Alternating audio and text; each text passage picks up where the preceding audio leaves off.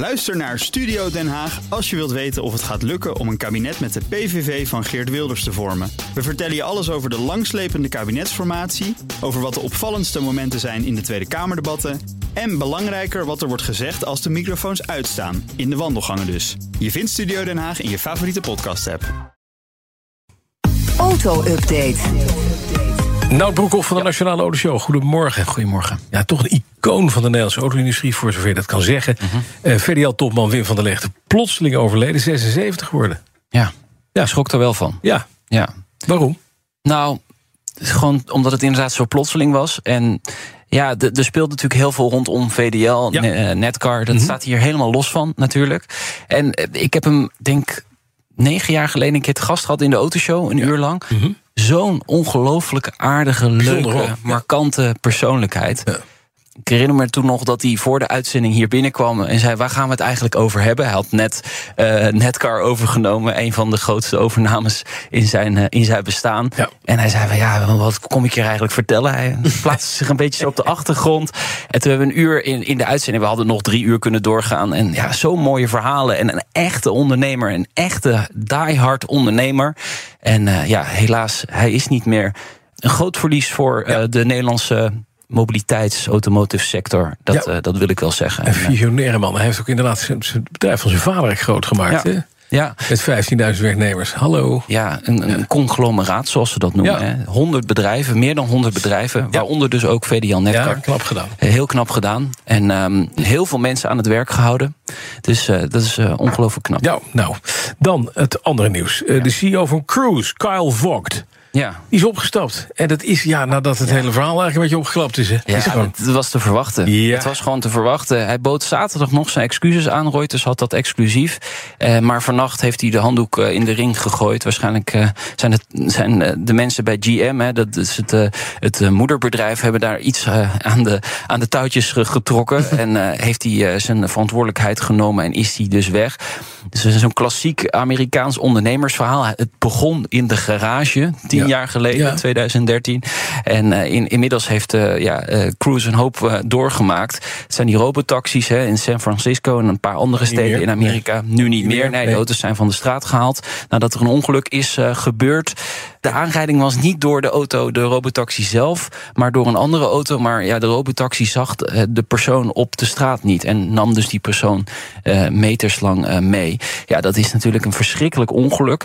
En wat hem eigenlijk echt wordt verweten, Bas, is dat hij de beelden van het ongeluk eh, ja, niet gedeeld heeft met de instanties daar. En daar wordt hij echt op afgerekend. Dus eh, niet eh, ja, transparant zijn. Hij zegt ook, het bedrijf, om weer in de toekomst eh, een, bestaanszekerheid te hebben, moeten ze gewoon transparant zijn. En die technologie moet gewoon veel en veel veiliger en beter worden. ja, maar de grote vraag is, gaat dat ooit lukken? Nou, dat, dat vraag ik me dus Ik ook. echt heel erg Ja, voor. zeker. Eh, ze hebben echt een enorme knauw gekregen. Het is maar de vraag of Cruise nog het vertrouwen kan terugwinnen van, eh, van, van de mensen. Ja. We gaan even naar iets anders, want bestaanszekerheid, het thema van de verkiezingen. Heb je het weer? Ja, en het, dat moet ook voor elektrische rijders gelden, vindt de baas van Fastnet. Het is een beetje de Bestaan- slager die, Ja, die niet voor een vleestaxi eh, Die zegt, is. maar, Ja. Ik ben ook bestaanszekerheid, Ja, want bij mij kan je je auto opladen. willen een Juist, ja. laadbelasting. Wat is dat? Ja, ze willen die wegenbelasting op eh, elektrische auto's eh, verhogen. Ehm, nou, is in het eh, nationale autodebat vrijdag zijn vier partijen het eens geworden over een gewichtscorrectie voor die elektrische auto. Dus dat biedt misschien wel soelaas. Ze noemden dat zo mooi het akkoord van Bunnik afgelopen vrijdag. dus die wegenbelasting die, eh, gaat waarschijnlijk toch eh, een beetje op niveau blijven. Die zal wel omhoog gaan, maar niet eh, naar 100 procent. Zodat eigenlijk elektrische auto's veel meer wegenbelasting gaan betalen dan auto's met een brandstofmotor. Maar wat vindt Michiel Langezaal, dat is dus de baas van Fastnet, hij zegt die bestaanszekerheid, ja, die moeten we eigenlijk niet loszien van duurzame mobiliteit. Het moet voor iedereen betaalbaar gaan worden om elektrisch te kunnen gaan rijden. Daar heeft hij natuurlijk wel een punt. Maar hij vraagt vooral om duidelijkheid en visie van de overheid. En dat hoor ik toch ook al heel veel, in de sector. Dat dat, daar gewoon. kom eens door niet met beleid. Ja. Ja, het is zeker. de hapsnap en eh, de een, het ene kabinet doet dit. En als er dan weer wat geld moet opgehaald ja, worden, doen ze dat. Ja, het, eh, dat, dat heeft gewoon Het is- geen voor zin. de industrie is dat dramatisch. Ja, dat en je kan ook beter de pijn hebben en dan weten waar de pijn eindigt, dan dat je niet weet hoe de pijn eruit gaat zien. Nou, laten we gewoon zo zeggen. Als in 2030 de verkoop van alle auto's elektrisch moet zijn, dan zijn we nu totaal op de verkeerde weg. Absoluut, gaan we nooit halen. Totaal niet redden. Nee, dus Precies. Maar ja, we hebben je hier gewaarschuwd. En dan moet je het zelf weten woensdag in, het- in het stemlokaal. Dan een Formule 1-auto van Lewis Hamilton is voor veel geld geveld. Zat hij niet in, neem ik aan. eh, Dan. Nee, hij zat er niet Nee. in. Nee, nee. Jammer. Het is een, een auto uit 2013, de Ja. F1 W04. Eh, 14 van de 19 races heeft hij in 2013 daarin gereden. Hij heeft ook in Hongarije ermee gewonnen. Het is het enige exemplaar dat buiten Mercedes onverkocht wordt. Een V8-motor, ja, even het geluid horen voordat we de prijs weten daar. Is dit dan een hybride of is het toch eh, ouderwets niks aan de hand? eh? Eh, nee, dit is nog vlak voor. dit is voor, ja. Dit is gewoon lekker dikke Mercedes vracht. Ja, Toen kon Mercedes nog wat, hè? toen nog wel. Ja, daarna hebben ze ook heel veel gewonnen. Wel, nog, hè, tuurlijk. voordat ze Ik nu maak ook een- een beetje in de lappenmand hangen. Over. Bijna 19 miljoen dollar. Bijna 19 miljoen dollar Bijna 19 miljoen voor dollar. de heeft auto van Lewis Hamilton. voor de auto van eh, Lewis Hamilton. Ik een heb, hoop geld. ja, zeker. Ik heb een, een lijstje eh, opgezocht Mhm. van wat is dan de duurste eh, Formule 1 auto ooit eh, geveild. Dit is de op één na duurste. Er is eentje duurder, dat is de Mercedes W196R uit eh, 1954. Dat is zo'n zilverfaal. Ja, Maar, maar eh, dat was, dat was de Oedenhout volgens mij, of niet? Eh, 300 SLR?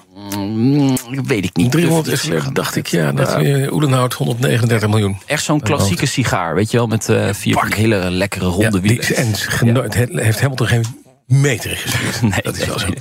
Dan, Finse Tesla-fans hebben een record gebroken. Wat fijn. Ja, nou, we hebben eind september hebben we het een keer gehad Ja. over die lichtshow in Duitsland. Misschien weet jullie het nog. 255 Tesla's samengekomen voor een lichtshow eh, te geven. Hè. Met die lampen van Tesla is dat, is dat allemaal goed te doen. Het kan beter. Het kan echt veel beter. Veel meer. In Finland is een lichtshow met 687 auto's gegeven. En er hadden er nog veel meer kunnen zijn, maar die konden niet het terrein op.